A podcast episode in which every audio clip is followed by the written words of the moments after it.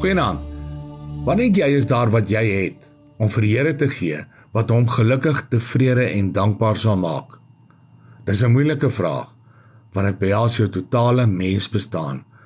Antwoorde van liefdadigheid, betrokkenheid by geloofsinstansies, weerhouding van verderflike dinge in die lewe, geen kwaadspraak, opvoeding van kinders, gebedstoewyding en die sulkes is dalk 'n lewe aan God gewy sal jy met al die goudstawe in die wêreld jou hiernamaals kan verseker.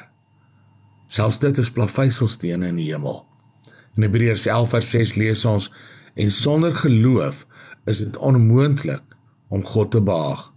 Want hy wat tot God gaan, moet glo dat hy is en 'n beloner is van die wat na hom soek.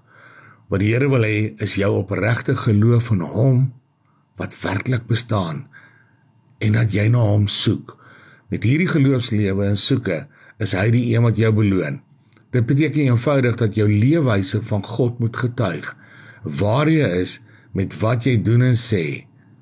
Hy is die beloner, jou werkgewer, jou lewensredder. Dit laat my dink ook aan die teks in Lukas 10, treffende storie. Sy op hulle reis het Jesus in 'n dorp gekom waar 'n vrou Martha hom as gas ontvang het. Sy het 'n suster gehad, Maria, wat aan die voete van Jesus gaan sit het en na sy woorde geluister het. Maar Martha was baie bedrywig om alles klaar te maak. En sy kom toe daar staan en sê en sê: "Here, hinder dit nie dat my suster my alleen laat bedien nie. Sê sy moet kom en my kom help." Maar die Here antwoord haar: "Martha, Martha, jy is besorg en bekommerd oor baie dinge, maar een ding is nodig." Maria het die beste deel gekies en dit sal nie van haar weggeneem word nie. Mag jy ook vanaand in jou binneste vir die Here jou hart oopmaak en bid. Here, ek glo onvoorwaardelik dat U bestaan. Ek soek na U met my hele hart. Laat my die beste deel kies.